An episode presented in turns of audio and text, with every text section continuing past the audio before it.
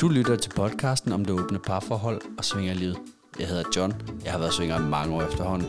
Og lever i dag et åbent parforhold med mig, og jeg hedder Stina Maria. Jeg er seksolog og parterapeut, og jeg arbejder til daglig blandt andet med åbne parforhold. Velkommen til. Velkommen til. Så er vi jo kommet til afsnittet, som vi har diskuteret lidt, hvad skulle hedde, men det blev det nye par i det åbne forhold. Eller det nye åbne forhold. Det nye Ja. par i det nye åbne forhold. De er Yes. sådan en ny, ny, ny, ny. Det er bare nyt, nyt, nyt. Så det er mega fedt, de vil snakke med os. Ja. Men øh, vi skal altid, du ved, lige have den der, har du sådan et godt råd, du vil smide op til det nye par i det nye åbne forhold? Øh, ja, jeg kan da forsøge lige at trænge lidt ind med et par få gode råd, synes jeg selv. I hvert fald det her med at husk at have hinanden med. Husk at øh, tage hinanden i hånden og tage det stille og roligt et eller andet sted, fordi mm, altså, I skal nok nå det. Skal nok nå det hele, og tingene er kun nye en gang, og nye ting er altid fede at opleve. Og, øh, og nogle gange, så kan, man godt, så kan det godt løbe lidt af med en, det her med ens begejstring for, at man skal bare ud og prøve det hele af med det samme. Men øh, der kan man sgu godt nogle gange måske lige løbe, den ene løber lidt den ene vej, og den anden løber lidt den anden vej. Så det der med sådan at have hinanden med, og holde hinanden i hånden, Man skal passe på begejstringen, ikke? Tag en. Ja, altså bare det her med at have i baghovedet, I skal nok nå det hele. Skal nok nå det. Og det er vigtigere, at man passer på hinanden og har hinanden med. Så en anden ting, det er øh, det her med, at det faktisk er okay at begå fejl. Fordi det er utopi at tro, at man kan gå ind i det her øh, virvar af øh, andre mennesker, der er med øh, i forskellig grad i ens parforhold øh, og ens øh, kærlighedsliv, ens seksualitet, uden at der øh, indimellem kommer til at, at ske fejl, misforståelser, ting, der øh, kan være svært for den ene eller for den anden. Og øh, selvfølgelig så kan der være noget i, at man, kan man sige, jo færre regler man har, jo lettere er det at undgå de her misforståelser. Men nogle gange så er der også brug for regler og rammer i starten, til at man kan finde sin vej sammen og sit fodfæste. Øh, men det er i hvert fald vigtigt at huske, at det er helt okay, når der sker fejl. For det vil ske. Så den accept er man også nødt til at have med sig. Amen. Amen. Altså, hvad så, hvis man nu er i det her nye åbne forhold, og generelt også i et nyt forhold, kunne man så have glæde af, er der noget i din bog, man kan bruge i den konstellation, hvis man er ny-ny? Ja, men det synes jeg da, der er både til de nye nye, og til de øh, sammentømrede parforhold, der har været sammen længe, og som er nye i det åbne parforhold.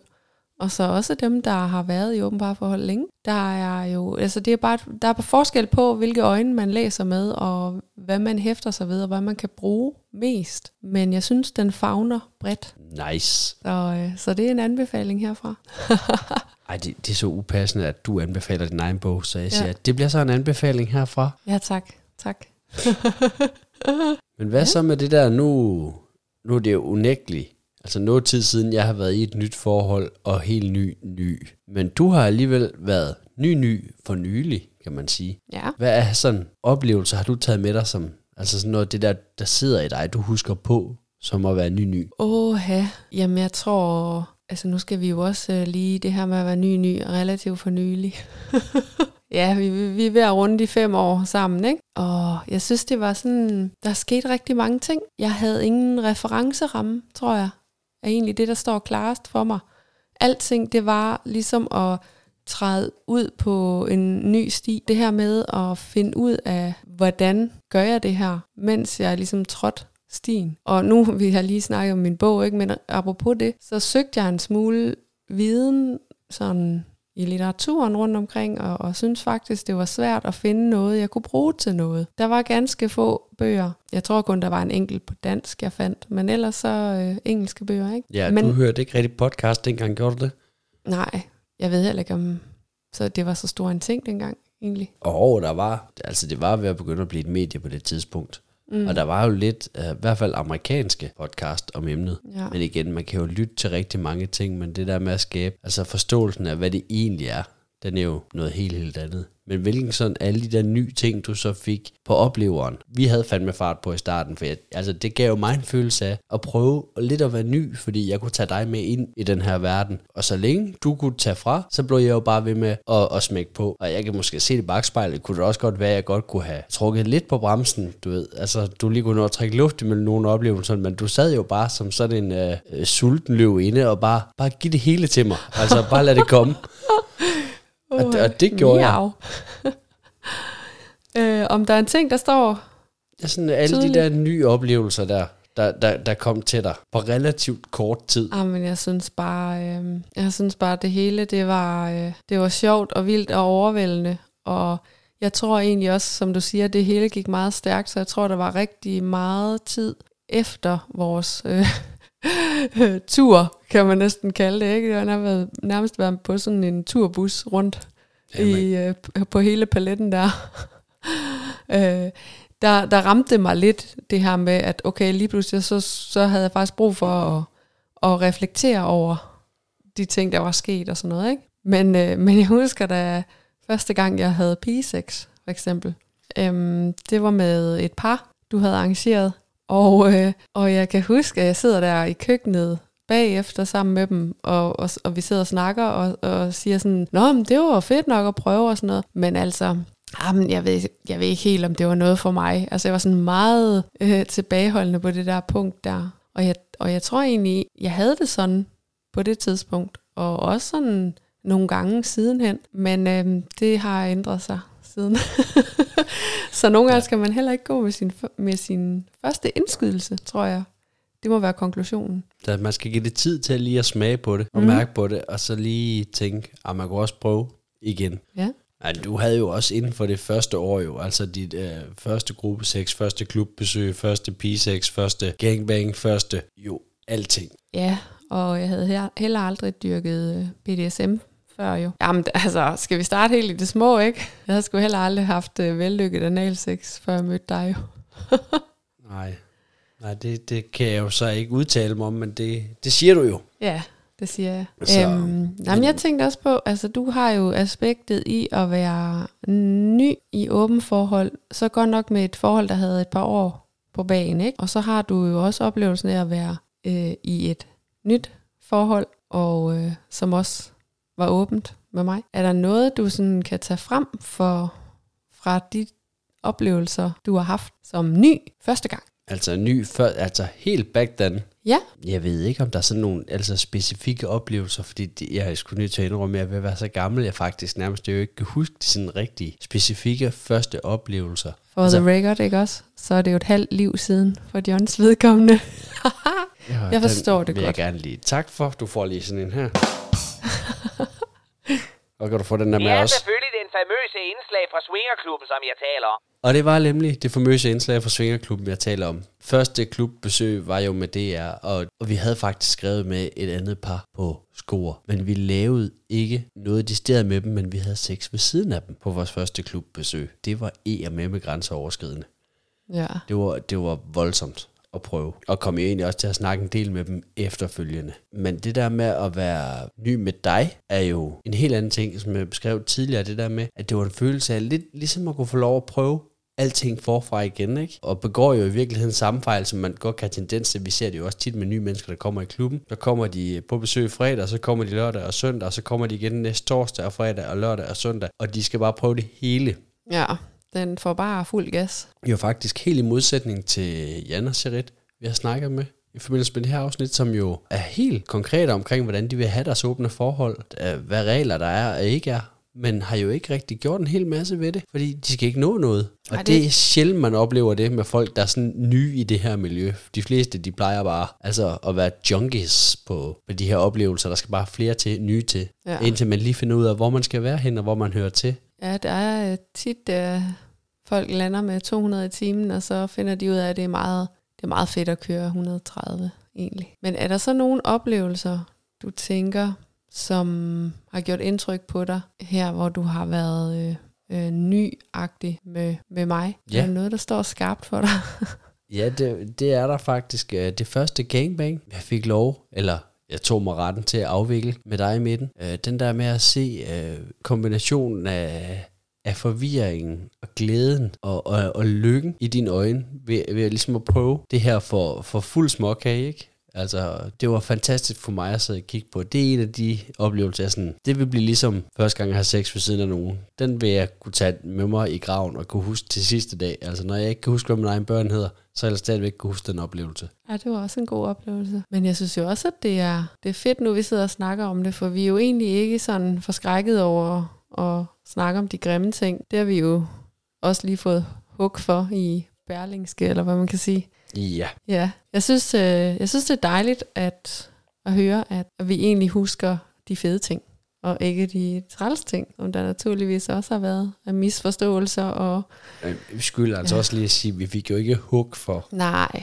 i Berlingeren. Nej, det de gjorde vi citerede os, og så valgte de bare, hvorfor nogle af citaterne, de synes var interessant. Og der gik de med en vinkel. Kan man sige, at den var kendret lidt på, hvornår det er sandt og ikke er sandt. Men altså, de pillede bare kun de altså, træls ting ud til deres artikel. Ja, og, øh, og det, øh, det, det kunne vi selvfølgelig faktisk allerede fornemme dengang, at vi blev kontaktet og blev øh, spurgt om øh, fire hurtige spørgsmål om, øh, hvornår det var mest svært.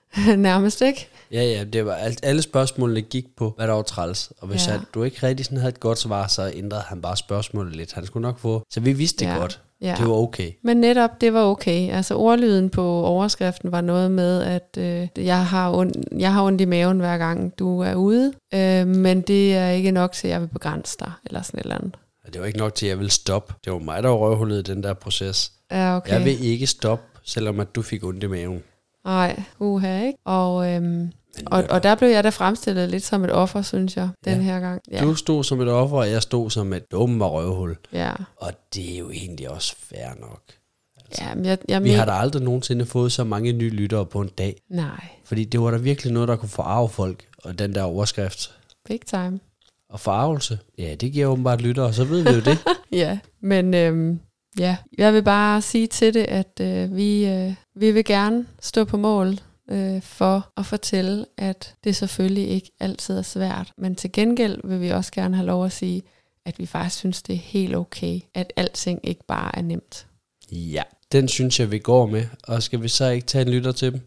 Jo, vi skal så. Lad os høre, hvad de nye ny, de Ny, har at sige. Ja, jamen øh, vi har fået besøg her i dag i studiet af Jan og Charit, var det Ja. sådan? Ja. ja. Velkommen til. Tak. Jeg plejer jo sådan lige at starte med, at man kan lige sådan fortælle, øh, hvem det er, man er. Hvordan man er sådan ens parforholdsstatus, eller sådan. Hvordan lever man? Måske åbent, eller måske ikke. Hvad Så- I? Hvor gammel er I? Hvad laver I her? Præcis. Ja, jamen øh, jeg hedder Charit, og jeg er 32 og er i et åbent forhold med øh, ham derovre. Og til dem, der ikke kan se, det er Jan, hun mener. Er det? eller er det? Ja, jeg hedder Jan. Jeg er 40 år gammel og er i åben forhold med Charit. Og i dag, der skal vi jo sådan berøre et emne, som hedder noget med de nye par Mm. i åben parforhold. Ja. Så øh, hvor længe har I været sammen? I små seks måneder har vi kendt hinanden. Og har I haft et åbent fra, øh, parforhold fra start af? Altså nu var der jo ikke lige sådan et, et øh, parforhold på tapetet fra starten af. Det var vist bare sådan sjov og ballade, ikke? Jo. Ja. Øh, Jeg tror, dengang vi begyndte at, at date hinanden, der, jamen, der var det sjovt at lade, og jeg tror, jeg sagde til Charit, at, øh, at kærester, det var sådan noget, jeg synes, man bliver, hvis man ikke kan lade være. Og det endte så med, at vi ikke kunne lade være med det. Og så havnede vi så her. Ja. Men, men jeg tror også, det blev til et parforhold, fordi vi var ret enige om, at det, det skulle være en åben konstellation. Øh, Jeg havde sat mig for det, så, øh, så hvis jeg skulle noget, så skulle det være sådan noget. Så det var simpelthen et kærestekrav, du havde. Jamen, jeg, jeg gad ikke det der lukkede, øhm, ensporede, begrænsende noget. Så øh, det skulle det være. Ja. Men Hvordan øh, lever I så åbent? Fordi det kan jo være lidt forskelligt. Jamen, jeg tror egentlig, vi lever som, som, som kærester nu gør i, hvad kan man sige, den, den, den alder, vi er kommet i. Så vi har jo vores normale liv hver for sig, og så er vi kærester sammen, når vi, når vi har mulighed for det, eller er sammen, når vi har mulighed for det.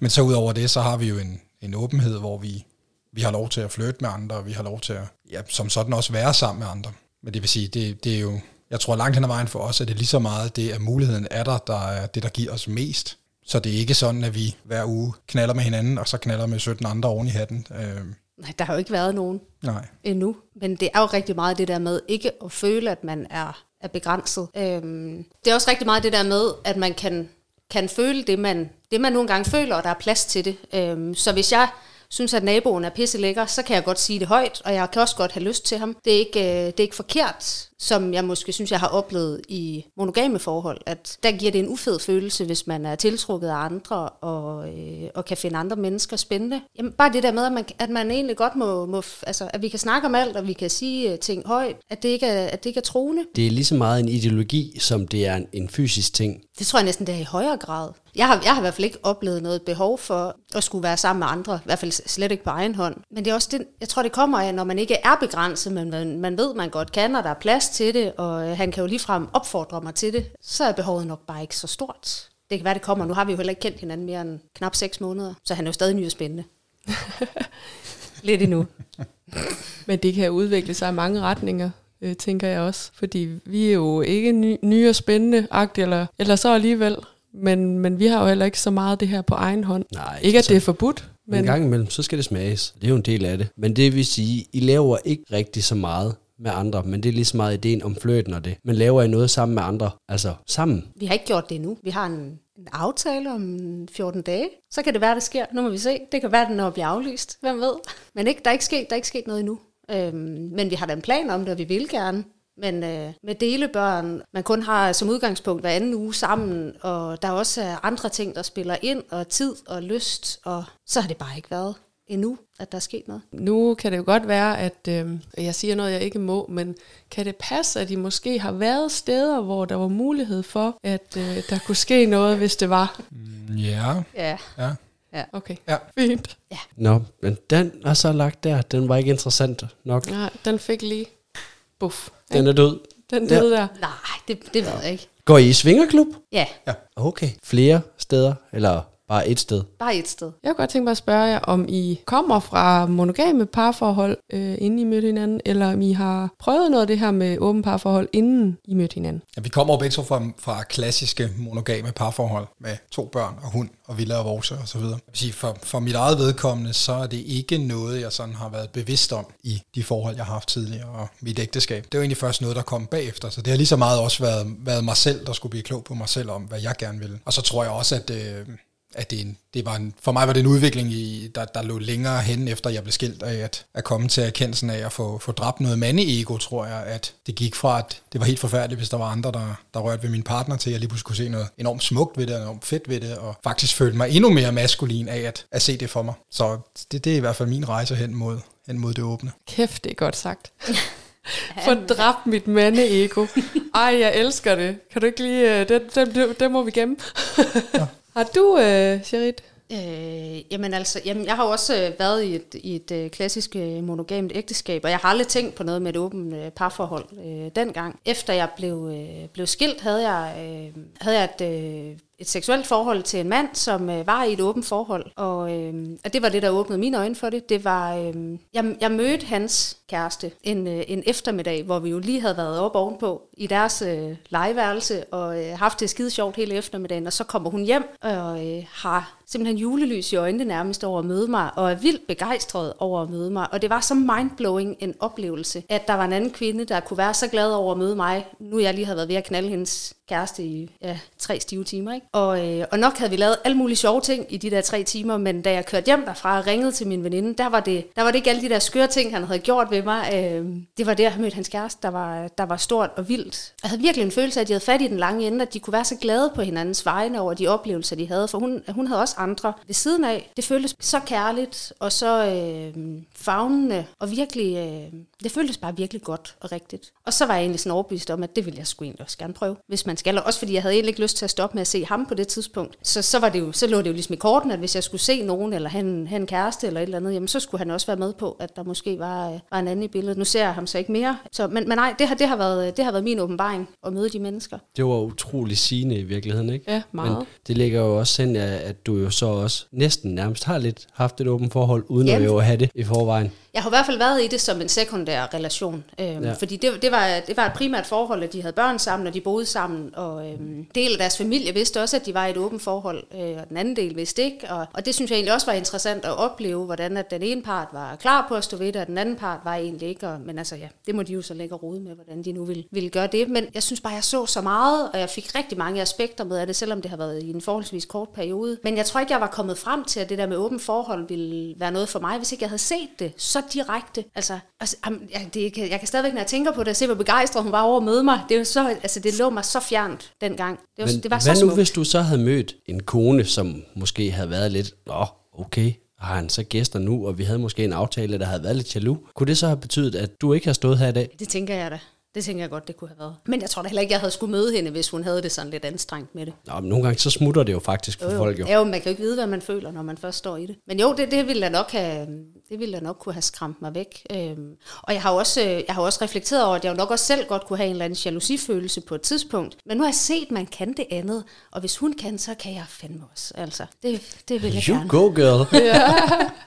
Men i, at i de der klassiske monogame forhold, I så har været i tidligere, der, er der, ikke, der har det ikke været på tale, eller i jeres tankesæt, øh, det der med at måske at tage i svingerklub, eller foreslå, at øh, vi kunne da også knalde øh, øh, Karen og Måns længere ned ad vejen. Ikke, ikke for mit vedkommende, nej. nej det har det ikke. nej. øh, Jeg har, nok, jeg har nok haft fantasier om det og reflekteret over det, men ikke mere, end det bare har været sådan en, en perifær strøtanke. Øhm, altså, jeg har, jeg har efterfølgende haft legerelationer til, til piger, som jo også så andre, og det ved jeg ikke, om det kan definere det som et forhold. Så jeg har, jeg har også mærket sådan lidt af den der jalousi, der var i det, men fandt egentlig ud af, at det var, det var en fed følelse, og det var en fed form for jalousi, øh, hvis man kan sige det sådan. Jeg ved ikke, om det lyder helt skørt, men... Det gør det ikke. Altså, øh, lækker jalousi ja. er vi jo mange, der kender. Ja. Men nej, øh, det har ikke været... Jeg tror simpelthen ikke, jeg har været moden nok i min egen seksualitet og min egen, mit eget mandeego har nok fyldt for meget dengang. Ej, jeg elsker det. Det er, det er bare det nye go-to-ord. Men ja. ego. Men jeg synes faktisk også, at det, det ligger også meget godt op af det her nu, Shirit, du fortæller om den her oplevelse. Det er ligesom der, hvor du okay, oplever, hvad det er, øh, og hvad, hvad det vil sige. Vi kunne godt tænke os at, at sådan høre lidt om, hvor har I egentlig fået en information, og hvor har I egentlig fået inspiration til det her? Du kan så høre, du har afsløret lidt, ikke? Min inspiration kommer jo helt klart fra at have mødt de her mennesker. Og jeg brugte også øh, ham her manden øh, til at spare rigtig meget, for jeg oplevede også øh, på et tidspunkt, han fik en ny seksuel relation, og det stak sgu lidt. Altså, fordi det var første gang, jeg oplevede, at han var, var sammen med en anden, udover hende, han jo ligesom boede med. Og, og det snakkede vi meget om, og han har jo øh, han har, han har sådan en, der altid har været i åbne forhold, så han har også øh, prøvet lidt af hvert med forskellige partnere og jalousi og så videre. Og han, han lærte mig, at det var, det var egentlig okay, og der var også en eller anden form for læringskurve, og jeg fandt jo ud af, at jeg skulle også bare, jeg skulle ligesom se, at der gik ikke noget af vores relation, fordi at han var sammen med en anden også. Vi havde det jo stadigvæk lige så fedt, når vi så så hinanden, og han var stadigvæk lige så sød og opmærksom, og altså, der var bare ikke gået noget af det.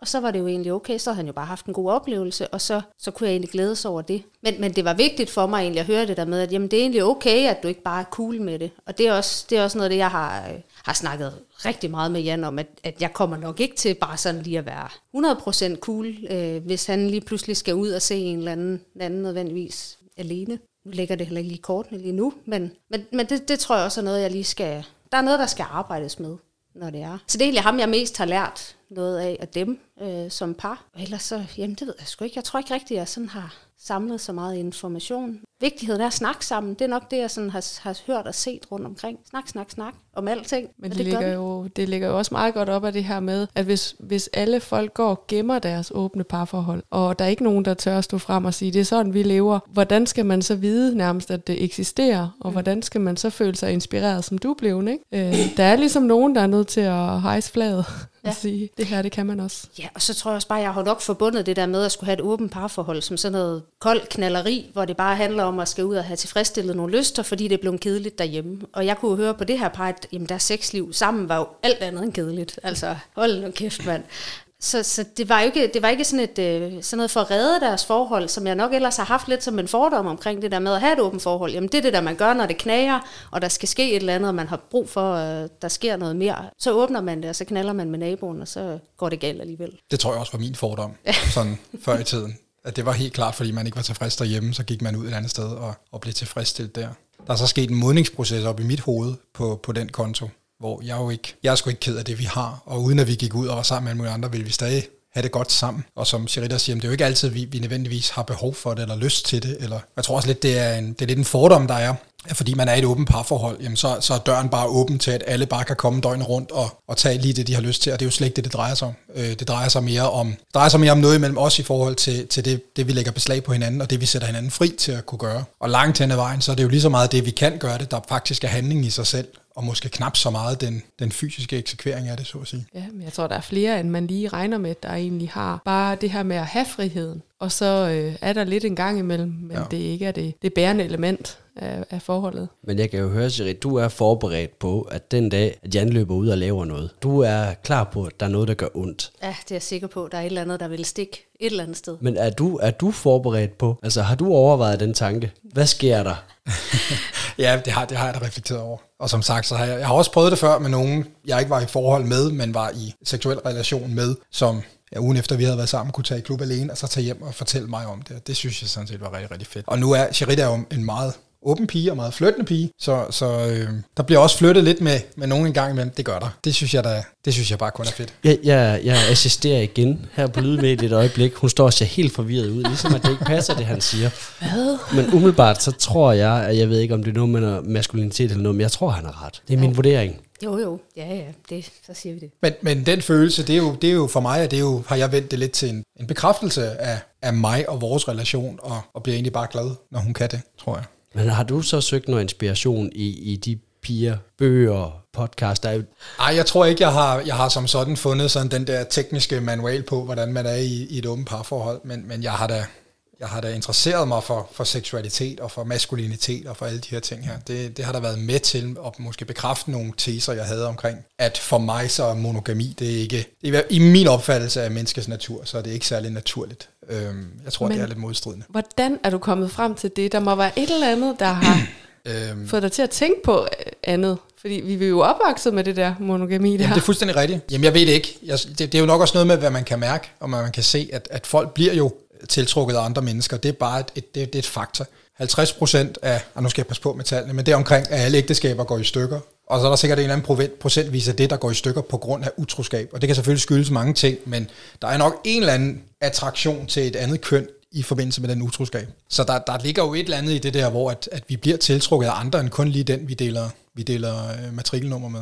Men vi har også talt om, at det er jo også topi at tro, at der er et menneske, der kan gøre en lykkelig. Altså hele livet. Nu tror vi så også på, at vi skal gøre os selv lykkelige. Men, men det der med, at, at man, man nødvendigvis øh, bare kan være glad med det samme menneske hele livet. Altså da jeg, øh, da jeg mødte min eksmand som 19-årig, jamen hvad helvede valgte jeg partner ud fra som 19-årig? Og, og hvad vælger man som, når man så er ja, 32 nu? Det er bare... Øh, det er nogle andre, det er jo også, det er jo nogle andre ting, man, man har lært, mens man har været gift. Jeg, jeg, jeg tror bare på, at, at vi bliver nødt til ligesom at tage ansvar for vores, øh, vores egen lykke, og øh, i mit tilfælde, så, øh, så, så tror jeg ikke på, at det nødvendigvis er med det samme menneske øh, hele livet. Og nu har jeg jo så også, ja, nu er jeg også blevet skilt, ikke? Så, så, ja. Men jeg har, jo også, jeg har også flere veninder og flere venner, og øh, nogen øh, synes jeg, det er sjovt at gå i byen med, og andre synes jeg, det er måske er sjovt at gå i biografen med, og nogen taler jeg om én ting med, og nogle andre kan jeg tale om nogle andre ting med. Og på samme vis, så tror jeg, at der er nogle ting, mig og Jan måske kan lave sammen, men det kan være, at der på et tidspunkt melder sig et behov for og gøre nogle andre ting med et andet menneske, og det, er- det er der plads til,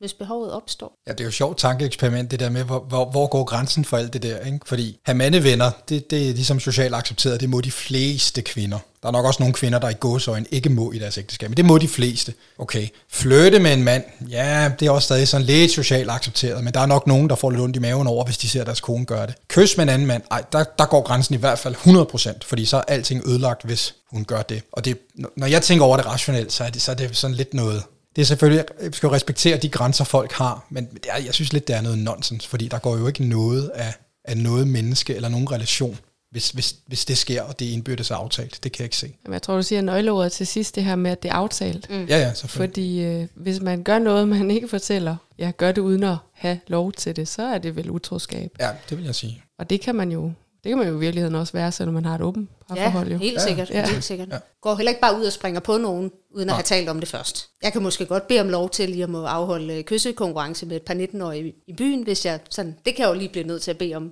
forud, ikke? Om det tror jeg nu, du har sådan en standing tilladelse til. Nej, men vi har da også nogle grænser, ellers så taler vi jo om det undervejs, og en del af det er jo også hele opbygningen af den flytteri, der er, den aftale, der er, så det er jo ikke sådan, jeg har i hvert fald ikke oplevet nu, at der kommer noget, der kommer som et chok for mig, at nu har Charit begyndt at skrive med en eller anden, eller flirte med en, eller hvad det nu måtte være. Fordi en del, at størstedelen af det er jo det der med, at vi kan, vi, vi kan dele det sammen, og vi kan grine af det, og vi kan synes, det er sjovt, og alle de her ting her. Og så har vi da, har vi da også vi har da nogle sådan, hvad kan man sige, hårde grænser, men det er måske mere over i vores... Nu har vi også en, en BDSM-relation, og, og det er måske i virkeligheden det, vi, vi, vi mm. værner allermest om i vores relation. Det er nok ikke så meget sådan det traditionelle vaniljeforhold. Mm. Nej. Det, det, det er mere det andet, der måske ligger lidt, lidt dybere. Der er nogle grænser for, hvem der må være i det. Det er jo faktisk sjovt at høre det der. Det er jo en, en klassisk genganger lige præcis her, ikke? at næsten alle dem, der har en eller anden form for BDSM-relation, det er der ligesom, der er de magiske grænser. Du skal ikke rende og slå på min dame. Og, men altså, hvis du vil bolde hende, så slipper du hende sgu bare afsted. Jamen det er sjovt, men jeg tror også, du sagde også på et tidspunkt, du ville have det, øh, Cherit, svært ved, at, at jeg dyrker sådan en rigtig sød vaniljesex med en anden kvinde. Det skal du satme ikke. Du må gerne splitte det med, men ja. øh, ikke det der pussenusse noget, det kan du gøre, når du kommer hjem. Jeg tænker også lidt på, sådan, hvad der har, måske har været, men også hvad der måske er jeres største bekymring omkring det her med, at nu har I så et åbent parforhold. Hvad kan være nogle af de bekymringer, I har eller har haft? Fordi det tænker jeg rigtig mange andre nye par, der står og overvejer, om de skal åbne deres parforhold, mm. eller som lige er startet. Så tænker jeg, at de kunne relatere til noget af det, I tænker. Altså min største bekymring går klart på, når det der første skridt med eventuelt at skulle være sammen med en anden på egen hånd, altså når Jan skulle være sammen med en anden kvinde alene, når hvis, når den dag kommer. Øh, Det, er ikke en vis, det er bare en når. Det er besluttet, kan jeg høre. det, det ved jeg Og ikke. jeg har opdaget, hvem der bestemmer jeres forhold. Ja, Så det må du... Så så det må Altså, jeg jo det- tage, Så må du tage bestik af, hvornår det skal være, ja. ja. Det, er- det, det, tror jeg, det er min største bekymring, hvordan jeg vil have det med det. Ellers så, øhm, så synes jeg ikke umiddelbart, at jeg sådan har de store bekymringer. Det, det er mest i forhold til mine følelser, og hvilken retning de kunne stikke af i. Ikke altid nemt at styre. Men det tror jeg er enormt relaterbart, og jeg tror også, at det er vigtigt, at du så siger det Mm. her til dem, der måske sidder derude og Ja. Overvejer, ikke? Ja, men, men jeg er også bevidst om, at, at, og det har vi også snakket meget om, jo, altså, det, skal også være, det skal være på det rigtige tidspunkt, når der er overskud, altså generelt. Øh, det skal ikke være i en travl presset periode, hvor vi måske ikke ser hinanden. Altså, vi skal have det godt sammen, når det så skal være, så, så der også er de bedste forudsætninger for, at det bliver en succes. Og et eller andet sted, så tror jeg også, at man må acceptere, at øh, det er også okay, hvis det ikke er en succes første gang. Mm. Ja, ja, det er jo ikke til at vide. Så vi har da haft øh, mange ikke-succeser, og det har også både været første, anden, tredje, fjerde, femte gang, eller, og så tiende gang lige pludselig igen. Ja. Altså, og det er jo okay. Så er det bare fedt, når det går rigtig godt. Ja, man bliver nødt til at prøve sig frem, og vi har ikke prøvet det før, og hvis det, hvis det ikke går godt, jamen, så snakker vi om det, og hvad kan vi måske gøre bedre næste gang. Det er jo også, vi snakker jo bare helt vildt meget om alt i det her. Så, så jeg er ikke så bekymret for noget rigtigt, for jeg tænker, vi skal nok, vi snakker om det, og så finder vi ud af det. Sådan en lille uddybning her. Føler du så, at I snakker mere sammen, end du har snakket med din eks? Ja, Det, det hører jeg nemlig også mange, Ja. der siger. ja men også hvad jeg hører øh, fra andre i, i, i parforhold, ellers altså i monogame forhold. Men der er også bare plads til, at vi kan snakke om alt. Og, og det er egentlig det, jeg synes, der er essensen af vores åbne forhold, det er, at der er plads til det hele. Også det, øh, der måske ikke er plads til de fleste andre steder. Hvad med dig, Jan? Har du nogen? Jeg ved ikke, om jeg har sådan deciderede bekymringer. Det, det synes jeg sådan set ikke, jeg har. Men jeg har da nogle, nogle overvejelser, hvor jeg tænker, jamen, jeg tror, det der, der øh, jeg er opmærksom på, det er, hvis vi kommer på et tidspunkt i vores forhold, hvor der er sådan en væsentligt forskellige behov, og hvor at, hvis Charit har rigtig meget behov for at se andre, og jeg måske har knap så meget behov for det, at der er der i hvert fald en opgave med at få, få snakket de ting igennem, eller omvendt for det sags skyld, hvis det er mig, der har meget behov, og, og hun ikke har. Hvis den ene har meget behov for, at vi skal være have tosomhed, og den anden har meget behov for det sociale, så, så er der jo en potentiel konflikt der. Men, men igen, jeg er ikke bekymret over det, fordi jeg føler egentlig, at med vores kommunikation, det, det, det hviler jeg ret godt i. Jeg kan sige, føler, jeg kan sige alting. Og jeg håber, at Cherit har det jeg tror, hun har det på samme måde, at, at vi, kan, vi kan tale om de der ting. Så jeg vil ikke sige, bekymring er et stort overbrug, det synes jeg sådan set ikke, jeg har. Ej, det var måske også sådan lige voldsomt nok, ja. men, øh, men alligevel sådan lige til at illustrere det. Jeg kom sådan til at tænke på, når I siger det her med, øh, at, at der kan komme noget, når den ene skal ud og lave noget, og det handler om overskud og det rigtige timing, og, og måske at den ene er mere udfarende end den anden i en periode. At øh, lige nu, der har I jo også et eller andet sted øh, givet hinanden friheden. Men nogle gange, så kan det jo også godt være en udfordring, det her med at skulle begrænse. Har I overvejet det, hvis I når et, et sted hen, hvor den ene gerne vil noget, men I måske er nødt til at sige stop? Vi har da talt om det, synes jeg, jeg kan mindes. Mm. Vi har talt om mange ting. Jeg har i hvert fald en følelse af, at der er plads til at kan sige, ikke lige nu. Nu må, nu må du lige blive hjemme og nøjes med mig. Eller, det har, det, Jeg det tror har da, jeg- vi havde et eksempel i går. Vi havde ikke, øh, vi har ikke set hinanden i det var ikke 14 dages tid eller sådan noget, og så har vi sådan set Tre og en aftalt. halv uge. Tre og en halv uge, undskyld. Men I har haft en god ferie. Ja, Begge to, hver for sig. Det er kun mig, der holdt ferie. Ja. Nå. Nej. Nå, vi har ikke set en anden stykke tid, og så havde vi sådan set øh, for længe siden sat en, en klubdag i kalenderen i går, og det endte vi så med at, med at aflyse og bare være hjemme og være os, fordi... Det var jeg det, tror der var behovet. Det var egentlig det, der var behovet, at vi, ja. Vi lige skulle finde hinanden igen, og ikke så meget bare fare ud. Og det var godt nok, det var et svært valg, fordi jeg tror også, vi har lidt FOMO på den der, og for os er, er klubtid jo også kvalitetstid sammen. Men, men jeg tror lige der, der, der havde vi behov for, at det bare var, det bare var derhjemme øh, i, i trygge rammer. Hvem af jer kan så ligesom løfte hånden og, og starte den der med at sige, jeg kunne faktisk godt tænke mig, at vi bare blev hjemme, og hvordan? Det kan vi da begge to, synes Ja. ja. jeg. Jamen, hvem gjorde det? Jeg tror, det var mig. Det var dig, ja. ja. det er helt klart dig. Ja. Det er dig, der er den kedelige, når det er. Ja. ja. Gammelfar. Eller ansvarlig. Men nej, det, det synes jeg, at vi begge to øh, kan, og vi var også enige om det. Men vi er jo bange for at gå glip af noget, og vi vil gerne opleve noget, og vi vil, øh, ja. Der er mange ting, vi gerne vil. Det tror jeg egentlig sådan er, øh, er, er kendetegnet lige nu ved vores åbne forhold. Vi har vildt mm. mange idéer, og har ført øh, meget få ud af dem, altså ud i livet nu. Men jeg synes jo, når, vi, når jeg lige, reflekterer over det med at sige, sige fra og sådan noget, så, så har der da også været mange ting op og vende, vi har talt om i forhold til ting, vi skulle lave af, af ekstreme udskejelser. Og langt det meste er jo blevet til noget, og så er der jo også noget, hvor der er en, der har sagt, ah, det tror jeg sgu ikke lige er mig. Og så er det, det er måske blevet vendt igen på et senere tidspunkt, det skal jeg ikke afvise. Men, men, men så jeg føler egentlig godt, at vi har kunne, vi har kunne, vi har kunne sige fra, sådan sige, ah, der er jeg sgu nok ikke lige helt endnu. Det ryger nok i maybe not pile på et tidspunkt. Så jeg, jeg har ikke set det som problem, men det er også fordi, når der er så meget andet, så et nej i ny og næ, det, det fylder ikke så meget, synes jeg. Det var noget andet, hvis det var nej 9 ud af 10 gange, og ja en gang. Men jeg oplever egentlig mere, at det er den anden vej rundt. Så det, så er det egentlig ret nemt at, at bare acceptere det og sige, ja, ja, selvfølgelig. Men der er jo også så meget andet at fokusere på. Vi kommer ikke lige til at kede os, tror jeg ikke. Har ikke, selvom vi skulle blive hjemme. Har I så, altså, dengang I så planlægger, vil have det her åbne forhold, I sætter nogle enkelte rammer, der må flyttes, der må flyttes, vi snakker lige om, hvem øh, inden vi boller naboen, eller hende fra arbejde. Men har I så også lavet jer en, altså, en udgangsliste, vi vil gerne nå, prøve de her ting, eller altså det her det er vores mål, eller det her det er vores liste. Vi skal have en trekant med en fyr, en trekant med en pige, vi skal prøve et par, vi skal til en sexfest, vi skal øh, i seks forskellige svingerklubber. Altså gik I ind i det her med en liste over, det her det vil vi gerne prøve hver især og sammen. Altså, øhm, nu startede vores relation som overvejende seksuel, eller ja, egentlig bare seksuel. Og der synes jeg, all, allerede der havde vi jo sådan mange ting, vi gerne ville. Men jeg ved ikke, om jeg synes, vi sådan har en checkliste. Jeg synes tit, vi siger, vi når det nok før eller siden. Vi har heller ikke nogen prioriteret rækkefølge. Nej, jeg vil sige, vi har ikke en liste. Der er jo masser af ting, der har været op at vende, og kommer op en gang imellem, men der er ikke sådan en, en, en decideret liste, vi tjekker af på. Og det vil jo også betyde, at vi nåede i mål på et tidspunkt, og den tanke, synes jeg bare er vanvittigt skræmmende. Af ligesom at være færdig på et tidspunkt og sige, nå, det var det. Kan du huske, vi snakkede podcast-emner tidligere, inden vi gik herind? Der sker jo ofte, det synes jeg jo med de lister, at man kan godt have en liste, men den bliver bare længere og længere og længere. Ja, altså, vi når jo ikke i bunden af vores liste nogensinde, tror jeg. Den bliver jo længere lige så hurtigt, som vi kan krydse nogle nye af. Så er der bare nogle nye ting. Jo, men det, der er selvfølgelig øh, færre ting, der måske er nye at skulle prøve. Men det er lidt det her med, at man, jeg plejer sådan at sige det der med, at man har sådan en palette med noget maling på, og det er så ens seksualitet, ikke? Så har man måske normalvis øh, i en monogam forhold, man måske en grøn og en blå og en gul, og det maler man sådan lidt med, men det billede, man maler, bliver sgu også sådan lidt kedeligt, ikke? Og sådan, men hvis man har et åbent parforhold, så har man måske altså, endnu flere muligheder, ikke? Men jo flere farver, du kan få på pa- paletten, jo sjovere bliver det også at bruge de enkelte farver, fordi åh, så er det skulle lige pludselig længe siden, jeg har brugt den der gule, som Og så kan man jo kombinere Varme farverne på kryds og tværs. lige på alle præcis. mulige måder. Altså, Ja. vi, vi har snakker da tit om, at vi har mange strenge at spille på seksuelt også. Så jeg er ikke bange for, at vi kommer til at kede os alene heller, men, men der, det åbner jo bare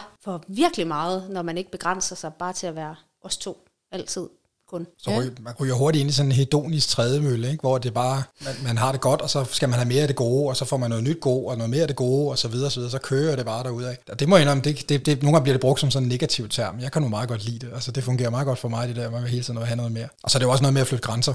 Og når man har flyttet grænsen et sted hen, så det der sus, man gerne vil have, både ved at mærke jalousi, eller ved at lave grænseoverskridende sex og sådan noget, det, det sus, det mærker man, man mærker jo kun, man mærker kun det sus første gang, første gang. Og så efter det, så er det jo ikke helt det samme sus mere. Det kan stadig være godt og så videre, men den der wow-følelse, det har vi jo også haft nogle gange, hvor ah, der er nogle gange, så synes jeg stadig det wow, selvom det er de samme ting Og det er jo igen. godt. Det er jeg glad for.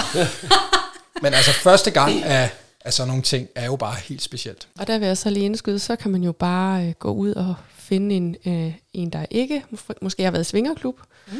og tage vedkommende med i svingerklub, og så kan man så lige, så smitter det lidt af. Har jeg hørt? Må du lige bakke mig op her? Så Ja, smitter jeg det lidt op, af ja. på, på den, der, øh, altså så en selv, ikke? At mm. den anden får den nye oplevelse. Den der wow.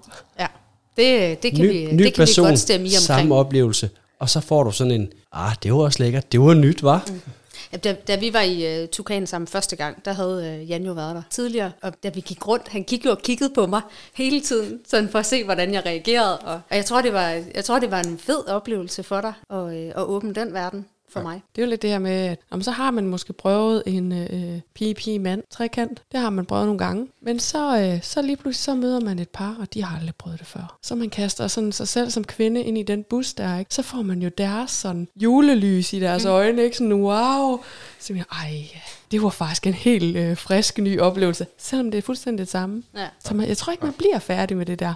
Men de ting, I så ikke har på nogen liste, men I snakker om, når I så slår dem op for hinanden, er det så mere på sådan en fantasibasis? Eller kan I godt være mere konkret omkring, at sige, vi kunne godt tænke os, eller jeg kunne godt tænke mig, at vi legede med en pige næste gang, vi tog i klub? Eller Altså, vi film. har da nogle ting, vi arbejder sådan lidt på at komme til at opleve. Altså, øh, så, så jo, nogle ting er konkrete, men rigtig meget er jo også bare, øh, ej, det kunne også være sjovt at prøve en dag, eller måske, og sådan, og ja, Altså, der bliver kastet mange idéer ud, og nogle af dem øh, bliver måske til noget, og andre, øh, andre gør ikke. Øh, men vi prøver da sådan med jævn mellemrum, synes jeg også lige sådan at sortere i det. Hvad er det egentlig, vi gerne vil lige nu?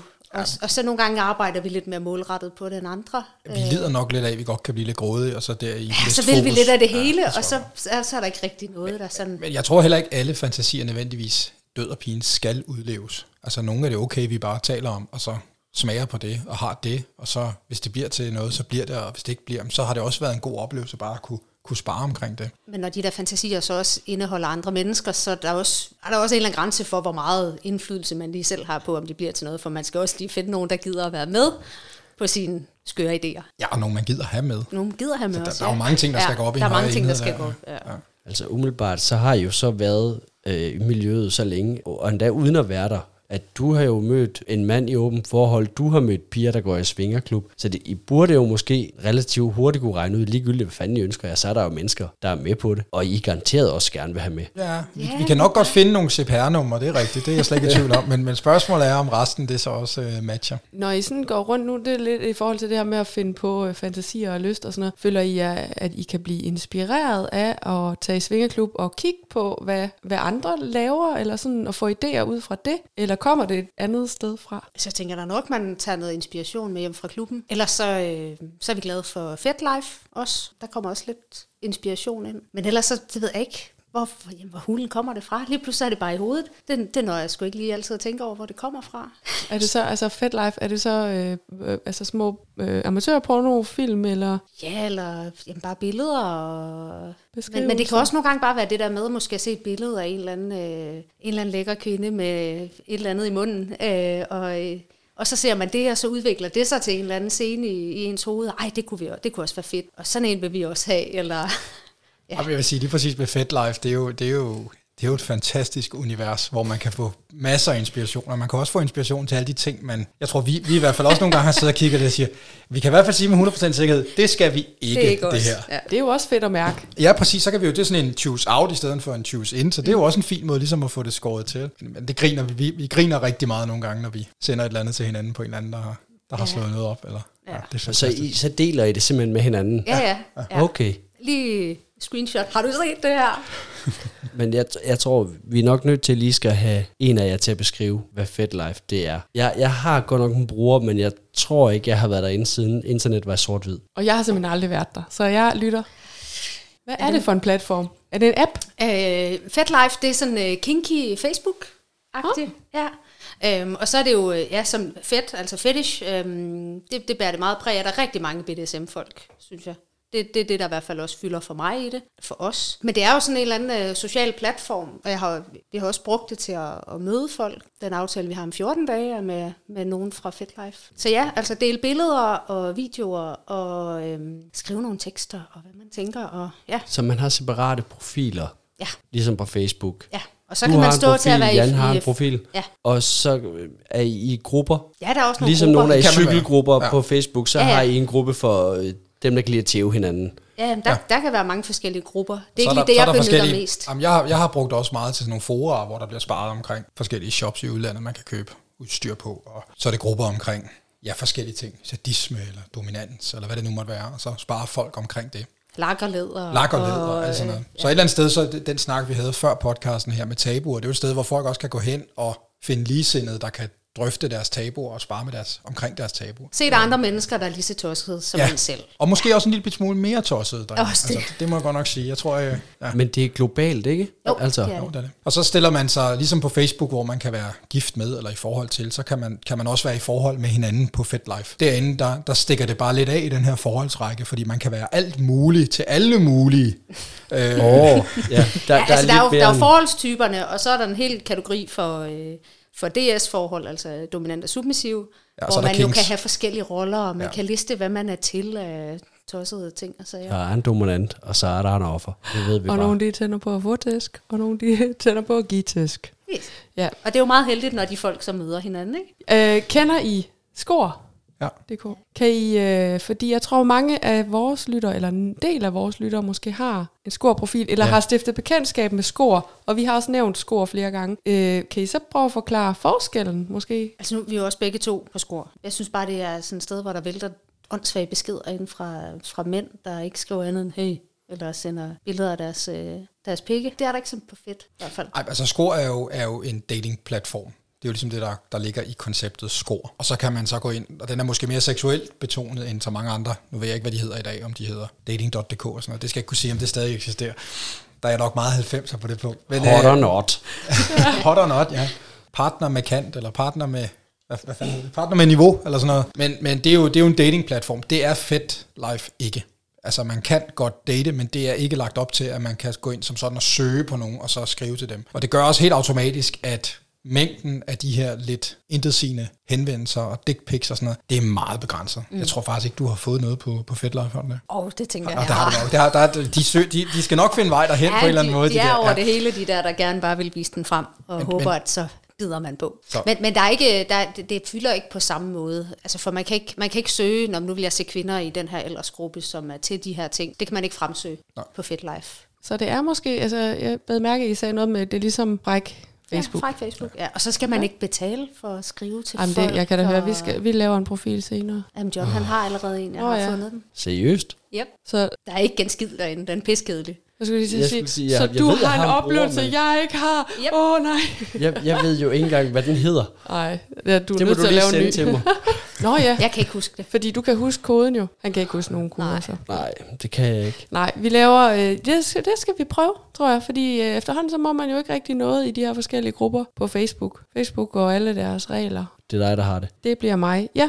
Så vi, øh, ja. Jeg har Men, ikke ej, men indtryk af, at der er nogen regler på FetLife, udover noget med det, der er kriminelt. Børn, Man skal bare, dyr hvis man lægger billeder op, så skal man lige tjekke af i, at alle er over 18 år og med på, at det her ja. billede det bliver lagt op. Ellers så stikker det ret meget af. Altså, alt. der er, der, er noget, der kan være noget betaling på FetLife. Det er i forhold til, hvis man vil uploade videoer og se videoer. Ja. Ja. Men du kan sagtens lægge billeder op, og du kan sagtens skrive til folk. Jeg, jeg betaler ikke for det, og det fungerer fint. Men jeg synes, det er mega fedt, vi lige får det her med, fordi det jo er en, en anden platform. Og der end er mange altså danskere. om. Altså, der er rigtig mange, og der er, også, øh, der er også folk, der kommer i Tukan. Der er lidt af hvert. Jamen, hvis det fungerer ligesom Facebook, hvordan helvede finder I så de danskere? Altså, på verdensplan må der jo så være, øh, jeg antager bare 10 millioner brugere på FedLife. Hvordan fanden rammer I danskerne, hvis man ikke søger, ligesom man gør på score? Jamen, der er, en, der er i hvert fald sådan en dansk FetLife. Ja, der er forskellige grupper, der er sådan noget øh, fedster i Midtjylland og kinky i Nordjylland, og sådan. Der er sådan nogle forskellige grupper, hvor folk Selvfølgelig, så ja. søger hen. Men ellers så finder man en, og så finder man nogle flere, ja. og så kigger man deres øh, liste af følgere, og så... Øh,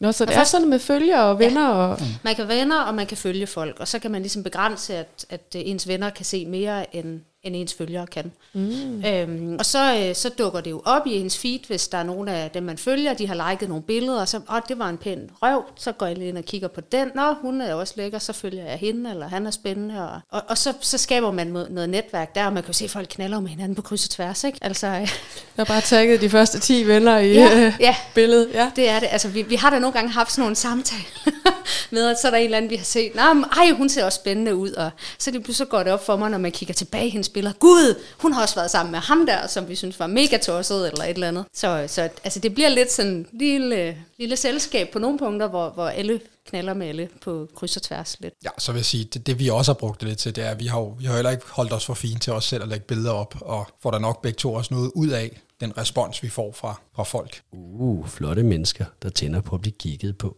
Ja. Har I øh, lyst til at dele jeres profil navne? Nej. Nej. Nej. Nej, der skal jo være, der skal være lidt arbejde og lidt spænding efter det her. ikke? Så. Så hvis I får rigtig mange følgere efter det her afsnit, det kommer ud, så har der været detektiver på... på Ja. ja, fedt. Det Nej, sker, men det det er sker nok helt af sig selv, tænker jeg. Jamen, vi skal jo egentlig hen mod en afslutning, som det der med at et råd til eventuelt nye mennesker i åbne forhold eller svingere. Er der sådan et eller andet, sådan nogle, en, en håndfuld gode råd, I gerne vil give med dem? Hvor har I fejlet på de seks måneder? Så kunne man også stille spørgsmålet. Jamen, Jeg tror, jeg tror, det som I vil høre os sige, det er jo det, jeg har hørt en million gange. Det er jo, det handler meget om kommunikation. Og kunne, kunne tale åben og fordomsfuldt til hinanden. Men Fordomsfuldt? Vi, nej, undskyld, fordomsfrit. ikke fordomsfuldt, for guds skyld, nej. Ja, det er det nye råd. Prøv det, så skal det nok Ja. virke det hele. Øhm, men, men vi har talt meget om det, også fordi vi har reflekteret over, hvordan, altså det spørgsmål, jeg havde tidligere omkring, da vi var i, i lukkede monogame forhold, hvordan mere åbent det og så videre. Og for mit eget vedkommende, så har jeg, jeg har meget stor respekt for dem, der har, er i et monogame forhold, er gift og har børn, og så efter 10-15 år vælger at åbne det og kan få det til at virke. Det har jeg personligt, det vil jeg personligt, tror jeg, har haft svært ved, dengang jeg var i et lukket forhold. Jeg vil sige, vi har jo haft den fordel af, kortene har været på bordet fra starten af, og sagt, det er den her konstruktion, vi skal bygge det på. Så et råd til det, jeg tror, det kommer meget an på, om man er ny og skal bygge et forhold sammen, og nu siger jeg, understreger at bygge, fordi det bliver en bevidst handling om, hvad man vil og hvad man ikke vil. Eller man er i et monogam forhold, og så den ene, det er jo nok formentlig nok den ene, der går med tanken, og så præsenterer den for den anden. Jeg ved ikke, hvor tit det sker. Det kan være, at du kan svare på det i forhold til de par, du møder, at de begge to lige vågner op og tænker, åben Er forhold. det ikke så tit? Nej.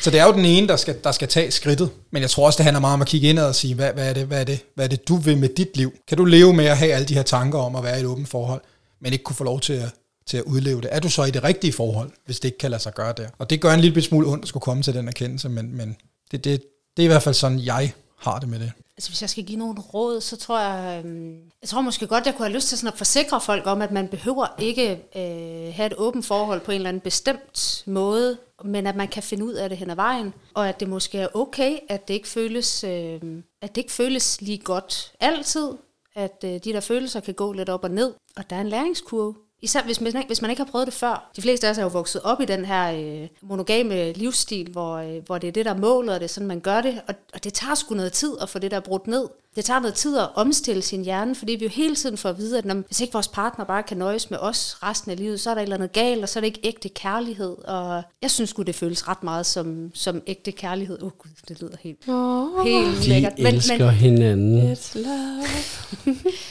jeg, jeg, jeg synes sgu egentlig, det føles meget, øh, meget ægte og meget kærligt alligevel. Ja, Det er vel også meget ægte. det synes jeg. Men jeg tænkte også lidt på, øh, ja, nu siger du det her med, at, at du ville have svært ved at se, eller du synes, der er stor forskel på, hvis man skal stå og have været monogam i 15 år, eller ligesom I er startet, hvor I ligesom har i tale sat det fra start af. Men tror du ikke også et eller andet sted, forskellen ligger i forskellen, eller hvad man kan sige, rådet, det der er, nøglen ligger i forskellen. Så hvad er forskellen fra, når man har været i et monogam forhold i 10 år, og måske skal hoppe ud i et åbent forhold, eller at man gør det fra start? Jamen, Jeg tror, hvis man gør det fra start, så er man jo, så er man jo ligeværdig med det, og man kan gå derfra og stadig være ligeværdig, fordi øh, man møder hinanden, og man går på date, og så lægger man jo det her frem på et eller andet tidspunkt og siger, hvis det skal være os, så skal det være sådan her. Og enten så skal det være, eller også skal det ikke være, så kan man gå derfra, uden man har noget i klemme. Hvorimod, hvis man er i et fast forhold, så, så tror jeg, altså det er bare, når jeg tænker tilbage på mit eget ægteskab, og hvordan jeg havde det der, og nu skal jeg lige sige, det var ikke fordi, jeg gik med tanker om åben forhold, men hvis jeg prøver at sætte mig i stedet af, at jeg, jeg gik med de tanker, så, øh, så tror jeg bare, der er sådan en uligevægtig fordeling imellem de to partnere, hvis det giver mening, det ved jeg ikke, om det gør, men, ja. men at den ene kommer og skal blotte sig rigtig meget, og måske blotte sig så meget, at det faktisk har en konsekvens af, at man går hen og går fra hinanden, fordi den anden slet ikke kan leve med, at, at uh, hendes eller hans partner tænker sådan der. Det er, det er jo lidt et sats, forestiller jeg mig, hvis man kommer og skal, skal break den der. Men det jeg også måske overvejer lige det, det er det her med åbenheden. Altså er det fordi, der er en større åbenhed over for hinanden, når man vælger øh, fra start af at leve åbent, eller at man har i hvert fald en, allerede en åben dialog fra start af, kontra den grad af åbenhed, man har i det monogame forhold, når man har været sammen 10 år. Vi kan selvfølgelig ikke skære alle over i en Nej, kamp, nej. det det, men giver det mening? Jamen, jeg tror, det er en rigtig god pointe, fordi når man er, når man er nye, så er alting nyt og spændende, og man er måske også nyforelsket, og det vil sige alt, altså partnerens øh, armhule lugter virkelig godt, jeg også selv efter en uge, og sådan alt det der, det er på plads, så det er næsten ligegyldigt, hvad man serverer, så er det bare fantastisk. Så det tror jeg da helt klart, der er en eller anden, en eller anden x-faktor i det der, hvor det bliver, det bliver nemmere at præsentere de der ting der, som måske er sværere, når man har gået i lang tid og blevet træt af hinanden, og måske ikke har så meget tolerance for, for hinanden, og så meget åbenhed for hinanden. Men det er også et stort skifte,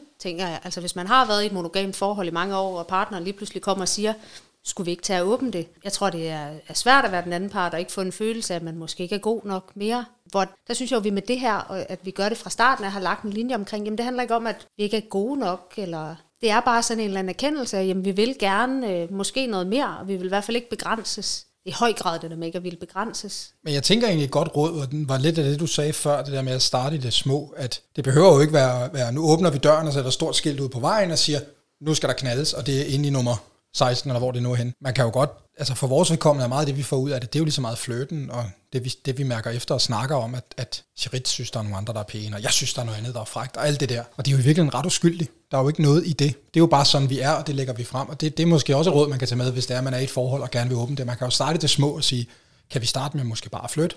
Eller bare snakke om, at man er tiltrukket af andre mennesker, ja. og det faktisk er okay. Ja.